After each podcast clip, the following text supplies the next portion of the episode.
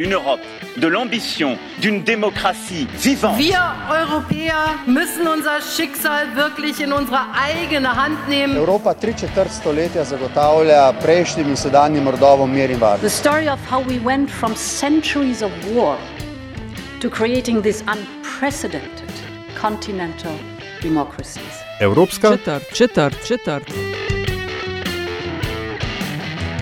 Please get vaccinated as soon as possible, if not done yet.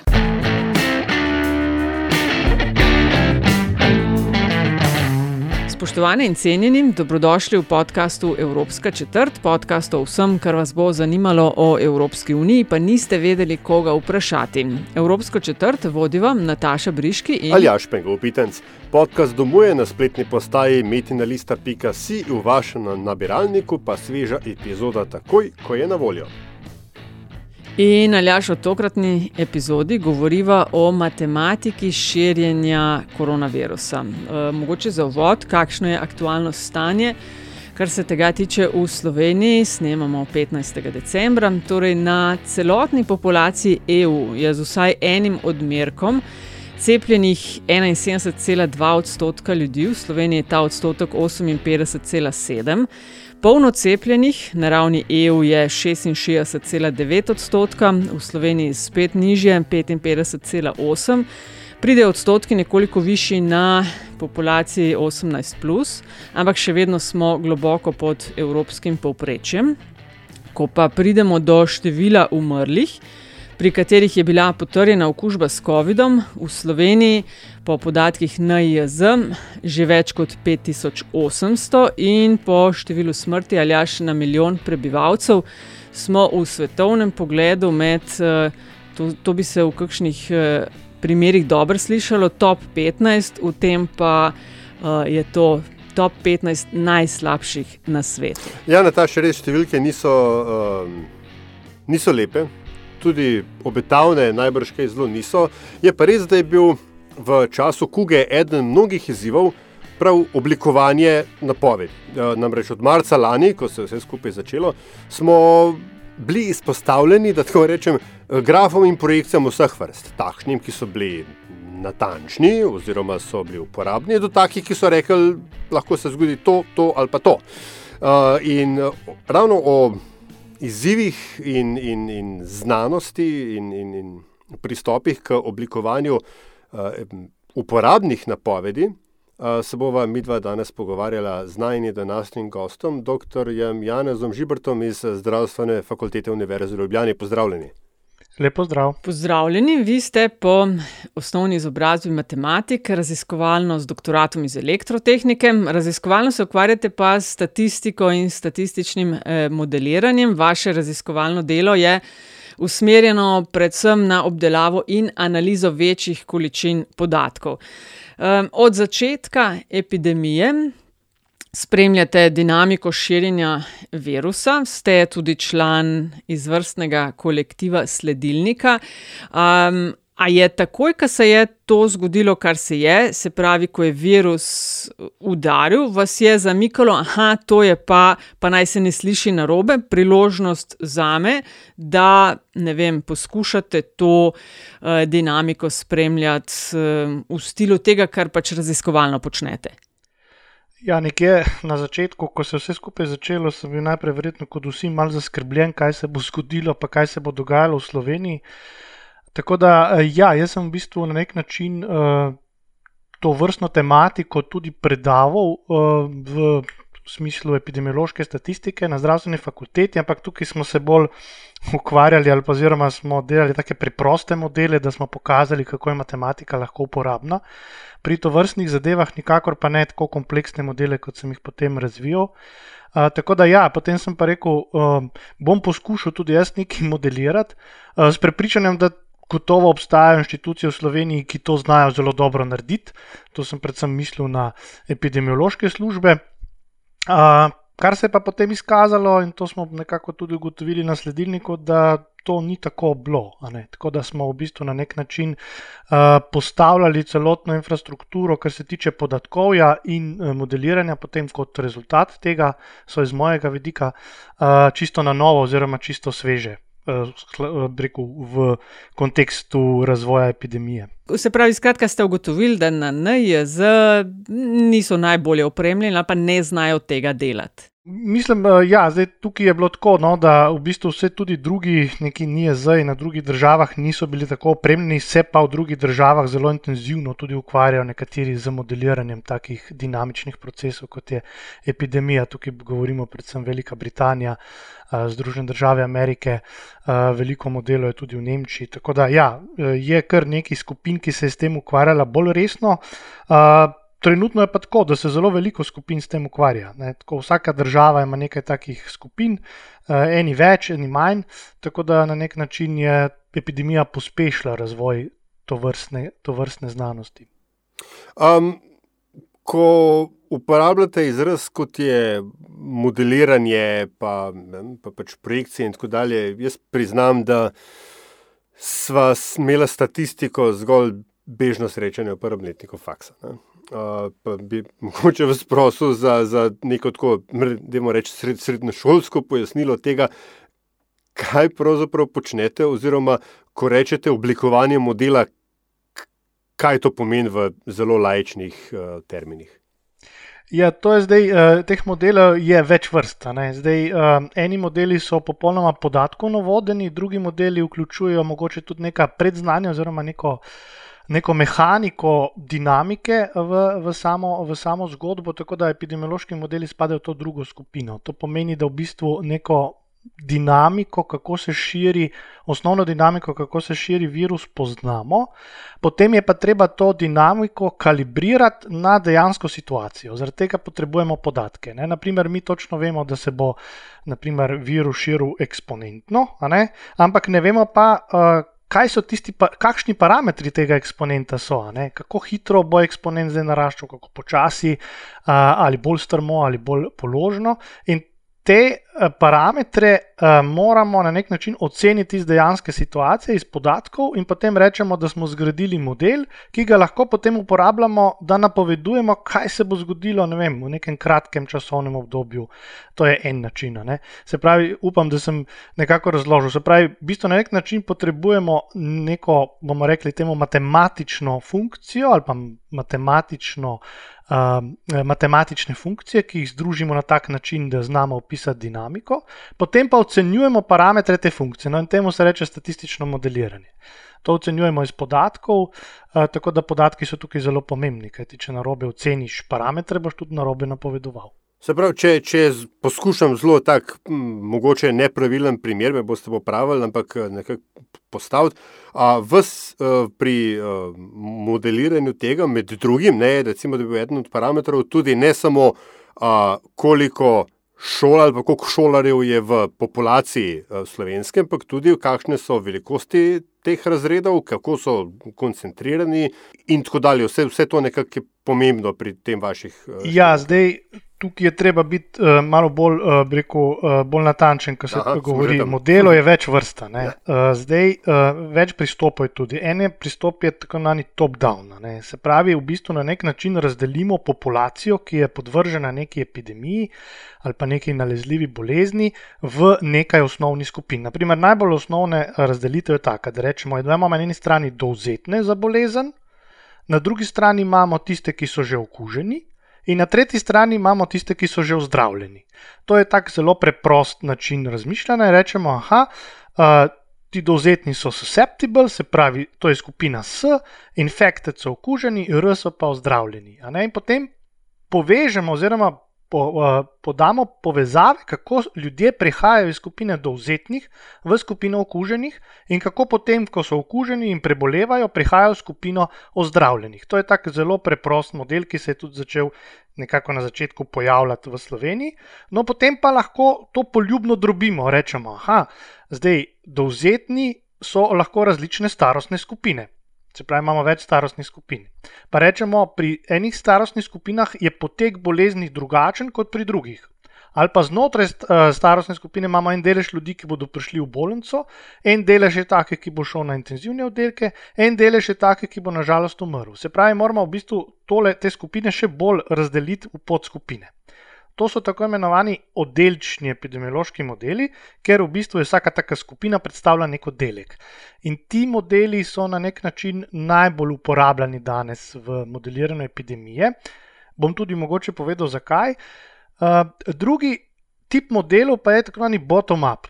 Bottom-up pa pomeni, da v bistvu poskušamo modelirati posameznika v epidemiji. In rečemo, vsak posameznik je svoja točka v, v takšni uh, epidemiji, in potem poskušamo definirati uh, njegove stike, uh, potek bolezni z demografskimi podatki, in tako naprej. In potem jih združujemo v neke take skupine. Tako kot ste omenili v šolah, ne, ni, ni, ni vseeno, a si ti v šoli torej si mladost, eh, mladostnik, pa si v šoli, pa se tam družiš, pa imaš veliko stikov znotraj šole, pa potem to prenašaš v družino, pa družina se potem uh, drugače kuži, če denimo, je pač mehurček, se pravi, se bo virus nekako heterogeno širil, se temu reče. Medtem, ker s tistimi oddelčnimi modeli, pa nekako bolj grobo poskušamo zadeve modelirati. Zdaj, kje je pa catch, oziroma kje, kje je problem? Da če hočete vi modelirati posameznika v, v taki uh, epidemiji, je potrebno imeti zelo veliko podatkov in zelo globoke podatke. Se pravi, potrebno vedeti, kako se obnaša, uh, koliko stikov je imel v nekem obdobju, uh, kakšni so bili tiki s, s kom, ne v smislu ne. Na osebni ravni, ampak predvsem v, v smislu starši, stari starši, um, uh, družba, in tako naprej. Uh, Medtem ko pri teh bolj grobih modelih, odličnih modelih, je pa na nek način potrebno manj podatkov, manj parametrov in dejansko je potrebno delati neke vrste kompromis med enim in drugim pristopom. Se pravi, imeti še dovolj kompleksen model, da zajameš te osnovne. Reko mehanizme, ki se dogajajo v epidemiji, in hkrati uh, ne preveč kompleksen, ker potem ne veš več, kaj pelje epidemijo. To je ena taka groba razdelitev. Zdaj, vaš model je bil pred kratkim sprejet v Evropski konzorcij različnih modelov pod okriljem ECDC, torej um, European Center for Disease Prevention, uh, Prevention and Control.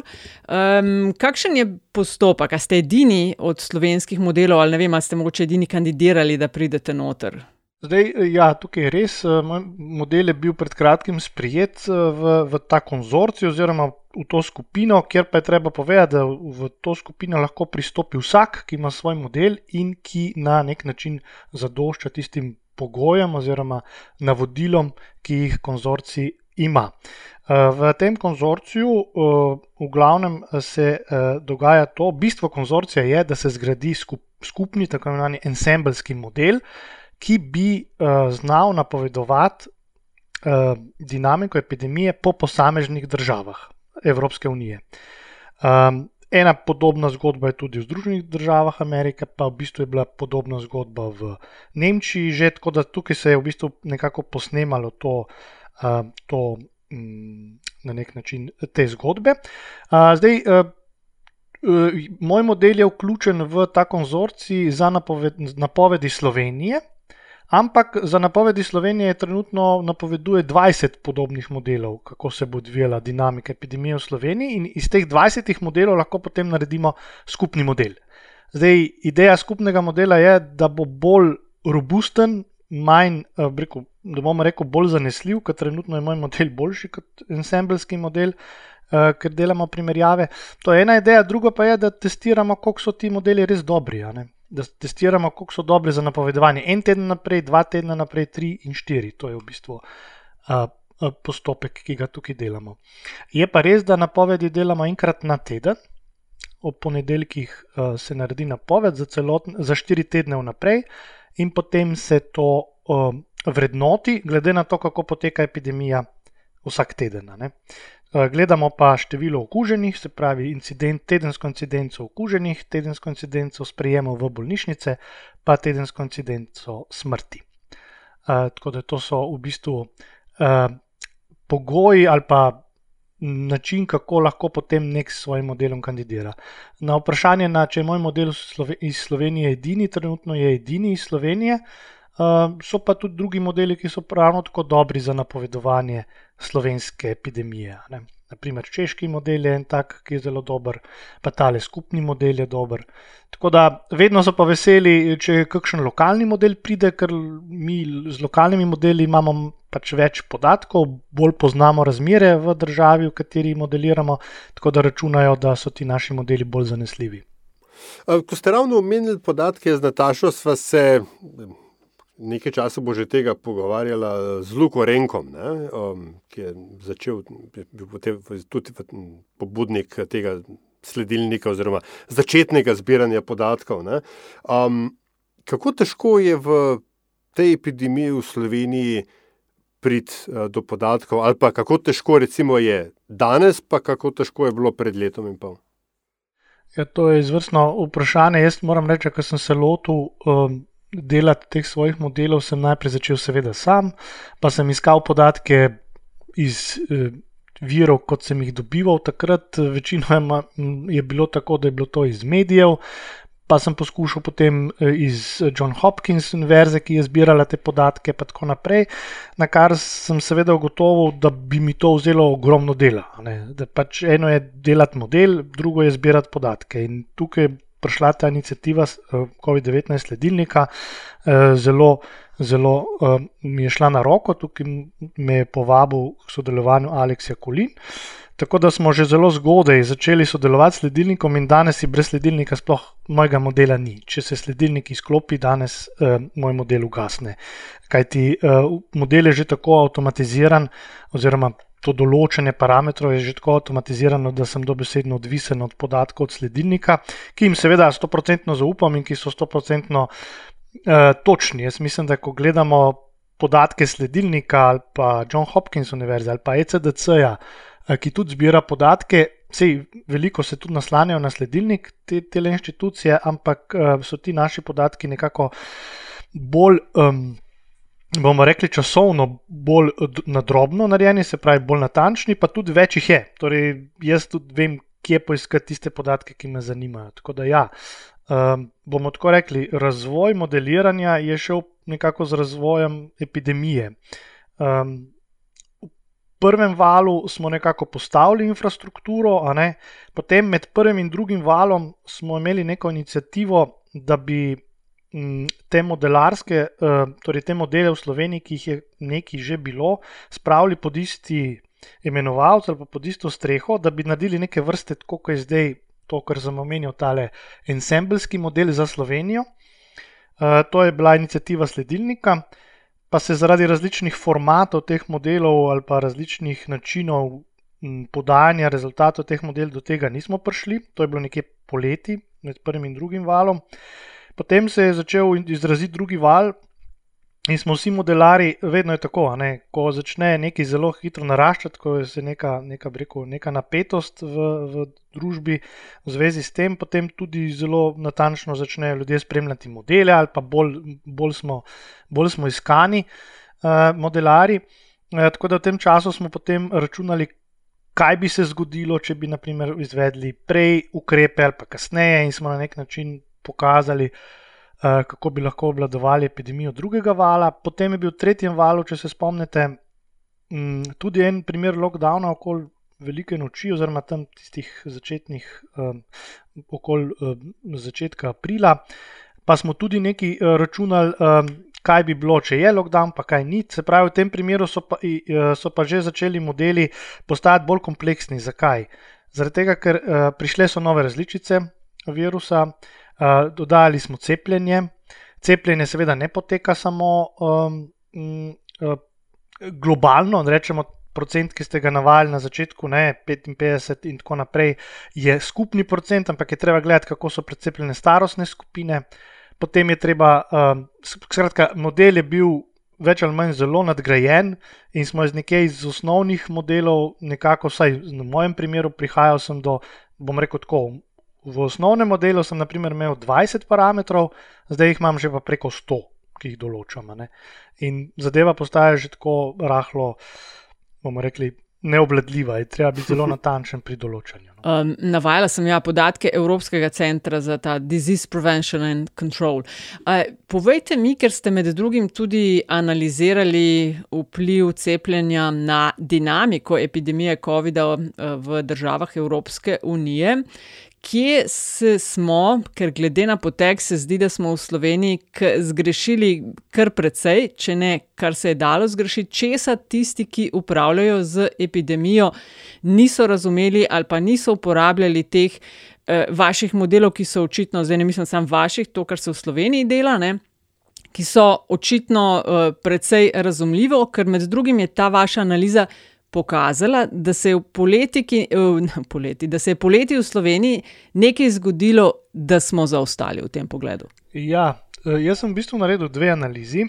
Ena analiza je bila prav, kako vpliva cepljenje na dinamiko epidemije v Sloveniji, konkretno. In sicer v bistvu sem naredil analizo, ko sem uporabil svoj model, pa sem potem različne scenarije um, simuliral. Druga analiza je pa narejena, tako kot ste omenili, uh, brez modela. Se pravi, da sem šel samo na podatke. Da, ker včasih imamo uh, kakšno pripombo, vedno, da ja, pa če model ni pravi, pa, pa potem kar neki, um, neke hipoteze postavljamo, ki mogoče niso preverljive. Tokrat sem pa se lotil primerjavo držav, uh, glede na poteke cepljenja. In kaj se je potem dogajalo z dinamiko epidemije? In tukaj so tako zanimivi rezultati prišli ven. Naprimer, um, nekako sem razvrstil države v pet skupin, glede na poteke cepljenja. Imamo naprimer, v prvi skupini torej najslabše precepljeni uh, sta Bolgarija in Romunija, najboljše pa Malta in Islandija. Potem imamo pa vmes med temi državami še države, Eh, v drugo skupino spada tudi Slovenija, to so države Češka, Estonija, Hrvaška, Litva, Poljska in pa še Liechtenstein, mislim, da je. Potem imamo tretjo skupino, ker so rekel, kot države kot so Nemčija, Avstrija, Nizozemska, Švedska tudi in pa najbolj precepljene države. Belgija, Danska, Estonija, Francija, Portugalska in tako naprej.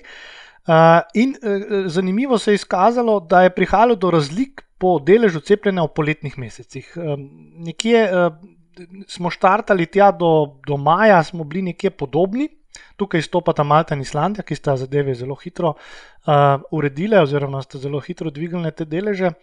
Um, potem pa se je zgodilo, da smo poleti, po moje, zaspali, oziroma so druge države uh, bile dosti bolj aktivne pri, uh, pri precepljenju uh, populacije. In tukaj to nas je v bistvu zdaj stalo, vse te države, ki smo omenili, Češko, Hrvaško, Litvo, Slovenijo in podobne, da smo doživeli tale četrti val že precej hitro.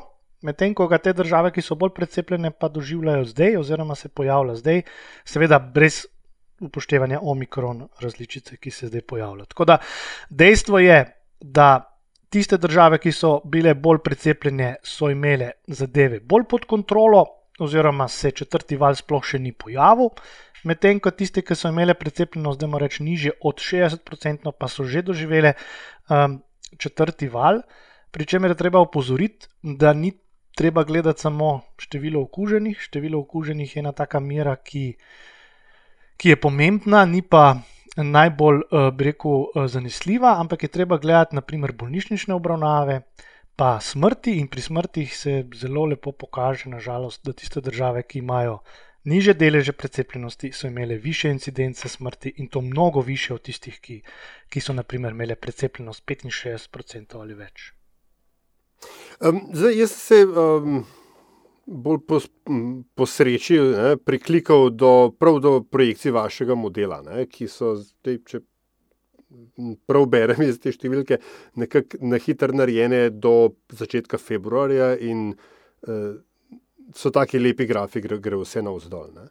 Uh, ampak uh, en pa ni, ne? in sicer to je, ta, to je ta zelo glasni R. Se pravi, faktor uh, okužbe, ne, ki je kako že, če je nad ena, potem je, se okužba širi, če je pod ena, se pa nekako uh, uh, zmanjšuje, oziroma pač Upada. Vsak človek opada, hvala lepa. Ja. Ja. Um, ta pa tako, ampak ne gre kaj zelo dol. Ne? Čeprav, čeprav pri projekcije okužb uh, uh, in hospitalizaciji v vašem uh, modelu grejo navzdol, R pa nekako, kar bo očitno, ne, je projiciran, da bo ostal tam nekje tik pod, tik pod ena.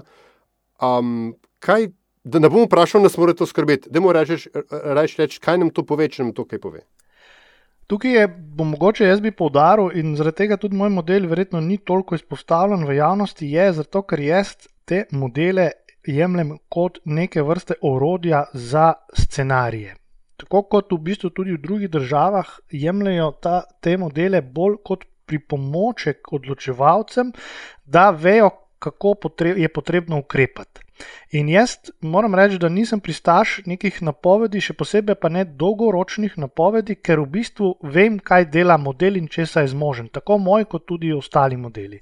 In sicer dejstvo je, da mi lahko zelo dobro ocenimo model za nazaj, to je jasno, ne, ker imamo podatke. Potem za naprej se pa nekako odločimo, da bomo neke vrste ekstrapolirali to naše znanje oziroma te podatke, to projekcijo, kot jo imamo. In um, jaz, na primer, ne morem predvideti, kdaj se bo pojavila uh, različica Omikron v Sloveniji. Ne? Se pravi, zdaj se je pojavila, zdaj, od zdaj naprej pa lahko predvidim, Eh, kako bo šel potek. Ampak ne morem pa povedati, kdaj se bo pojavila. In tisti, ki trdijo, da lahko napovedujejo za naprej, za, za, za štiri tedne, za šest tednov, za dva meseca naprej, v bistvu so te projekcije zelo zgrešene. Zaradi tega, ker v bistvu ne vemo, kakšne bo vlada sprejemala ukrepe, ne vemo, ali bo prišla nova različica, to so vse neznanke. Edino, kar pa vemo, eh, so pa, kaj je bilo do sedaj kako naprimer cepljenje bo potekalo, to lahko predvidimo.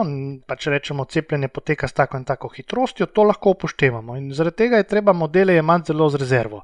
Jaz uh, vedno govorim o scenarijih. Scenarij pomeni, da v bistvu predvidim, kaj se bo zgodilo. Naprimer, uh, zdaj je prišla ven angliška, um, ang, uh, torej, angliška študija, kako bo potekala epidemija v Veliki Britaniji, če bomo upoštevali različne scenarije omikron različice. Naprimer, da je bo omikron dosti bolj kužna in da cepljenje ne bo pomagalo, ali pa da bo kužna, pa da bo booster, se pravi poživitveni odmerek, pomagal.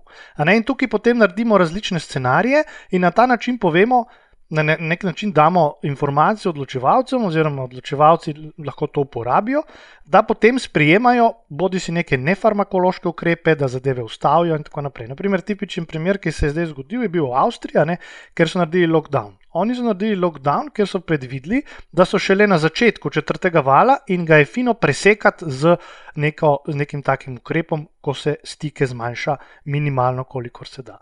Mi pa, naprimer, ko smo prišli v četrti val in smo m, mm, na nek način, z, um, bi rekel, nismo sprijeli ukrepa lockdowna, ki bi ga mogli sprijeti tam nekje uh, po, um, po teh krompirjevih počitnicah. Tako je, pa smo malo zamujali, potem je bil nesmiseln tak lockdown. To se da zelo hitro pokazati. Če zamujate z ukrepom, potem ni smiselno ga delati, če Eh, če ste zamudili. Če pa naredite pravočasno, pa ga je smiselno delati. In tukaj so pomembni modeli. Uh, napovedati, eh, kakšno bo, vem, uh, kakšno bo vreme 15. januarja, verjetno vsak si ve, da to ne bo šlo. Ne? Tako da tudi ti modeli so kratkoročni.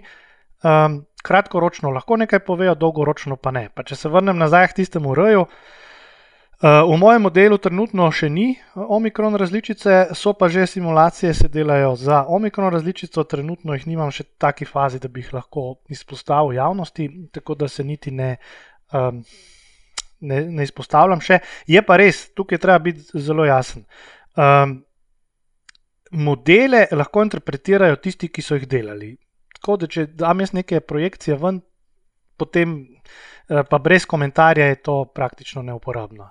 No, ko smo pri teh komentarjih, me zanima še vaš komentar. Um, Na to, kar se v Sloveniji, pa se tudi povsod drugot, nismo, se mi zdi v tem pogledu, nobena izjema. Namreč, ko se je zgodilo, kar se je, ko imamo upravka z COVID-om, smo se čez noč vsi spoznali na vse. Uh, kako vi, kot znanstvenik, gledate na to, uh, kakšen se vam zdi, je bil javni angažma znanstvenikov in znanstvenic uh, dovoljšen, da bi se ustavilo to norenje, manipuliranje s podatki, nerazumevanje konc koncev eh, modeliranja, tudi, pa tudi kako težko je prodret bilo v medije s tem, kar delate. Ne? Sami ste nekaj minut nazaj omenili, da vas ni bilo toliko zelo slišati, ker recimo smo pa veliko slišali o modelih inštituta Jožef Štefan, pa mislim, da je tudi en fizik iz Univerze v Mariboru se je tudi slišal, pa se je izkazoval, kako zgrešeno je bilo. Skratka, vaše mnenje o tem, no, kako ste kot znanstvenik videli to divjanje javnosti ob tem in um, sam angažma znanstvenikov. Ja, jaz bom tako rekel, kot Rekel, matematiki se denimo spoznam na številke, mi je včasih kar hudo, ker kakšno stvar poslušam tudi od znanstvenikov, kolegov iz drugih strok, ki se pač ne spoznajo toliko na številke, um, ki govorijo, ne vem, da je nazaj, če se spomnim v medijih, je bilo, ko štejejo vsi, koliko je zdaj takih, ki je prebolelo, prebolevnikov pa cepljenih. Pa, pa ja. kar zelo vsi, vsi vejo, še jaz se edino sprašujem, potem malo za heca, bodo hmalo prišli čez 100% ali ne. Tako da tukaj potem vedno potem poskušam kaj opozarjati preko Twitterja in podobnih socialnih omrežij, da pač ni treba tako računati, oziroma treba bolj previden biti. Tako da, tako kot jaz se ne spoznam na ne vem, razne različice um, virusa, pa kako deluje, pa se tudi ne sodom neki trditi o tem, pričakujem, da tudi ostali, ki se pač ne spoznajo toliko na statistiko ali pa številke da malo premislijo, ko začnejo te številke govoriti. Čeprav so tako zelo vabljive, ne? zelo hitro zna vsak nekaj izračunati. Tako da, ja, jaz um, moram reči, da um, kot znanstvenik bom rekel tako. Um, jaz sem si želel, pa tudi v okviru sledilnika smo si želeli, da bi mi bili slišani pri odločevalcih. Se pravi, da javnost je. je Mora biti obveščena, kako in kaj, ampak predvsem tudi odločevalci bi rabili neko strokovno pomoč, Um, tako da smo nekaj delali na to temo, da bi eh, se to slišalo. Um, šele kasneje uh, bi preko javnosti komunicirali, ampak dejansko se je izkazalo, da v nekaterih primerjih smo bili slišani, v nekaterih pa ne. Tako da zdaj to je ena, ena plat medalje. Druga pa je ta, da, m, da tako kot smo se vsi zdaj spoznamo na cepiva, pa, pa tako naprej se tudi vsi spoznamo zdaj na, na modele. Tako da tukaj jaz, ki dost med te stvari niti ne preveč ne vznemirijo. Jaz imam neko svojo um, breko agendo, kaj delam, zakaj delam, eh, pa tudi. Uh, mislim, da znam vse stvari utemeljiti v tem svojem delu, to je zelo pomembno, ne, da niso kakšne neznane stvari. Seveda, pa tudi jaz, kot delam to sama, ne, nimam nekih, neke ekipe v zadju, ki bi me nadzirala. Imamo pa tukaj vsi znanstveniki, zdaj v tem času, ko se ta znanost okoli epidemije hitro dogaja, imamo malo težav, ne, ker mi smo vsi navajeni ta, ta peer review proces oziroma postopek. Ne, nekaj naredimo, potem nas drugi ocenijo, koliko smo dobro naredili, potem popravimo in potem smo zadovoljni s svojim delom. Tukaj pa tega ni. In zdaj, eh, jaz sem vem, zvečer nekaj modeliral, potem sem pa vsa vesel, nekaj ugotovil, kaj bo, in sem že lahko čez dve uri dal v medije, kaj bo. Ne? In mediji so to pograbili in to je nevarno. In zaradi tega sem se tukaj malo zelo pazil, jaz sem bil zelo vesel, da sem v sledilniku v skupnosti. To je, to je v bistvu tisti peer review. Jaz vsakeč, ko nekaj naredim, dam, tam imamo slek skupino, pa potem malo pokomentiramo, pa me opozorijo, kolegi, da to si mogoče preveč ocenil, to premalo. Pa potem sem bolj pripričan, da sem prav naredil. Zdaj, ostali kolegi, ki tudi delajo modele, mogoče nimajo te sreče ali pa te možnosti, in vedno pravim, bodimo previdni, ker te stvari so zelo pomembne. Ne? Če nekdo reče, ne bomo naredili lockdown ali pa ga bomo, to, to ni samo matematika, to je še mrske drugega. Ja, in. Uh...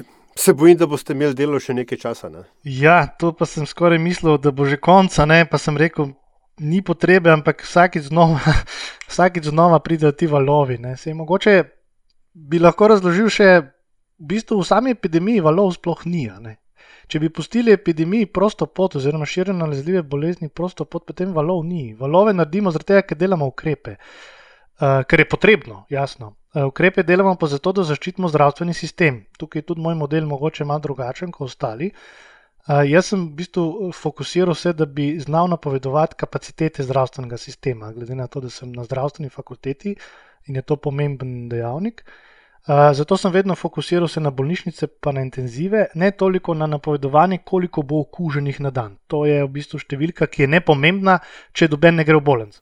Ja, um, zdaj za de, svoje delo ste s kolegi in kolegicami bili prepoznani tudi strani Univerze v Ljubljani. Dobili ste zlato paketo za izjemne zasluge, ekipa sledilnika, ne?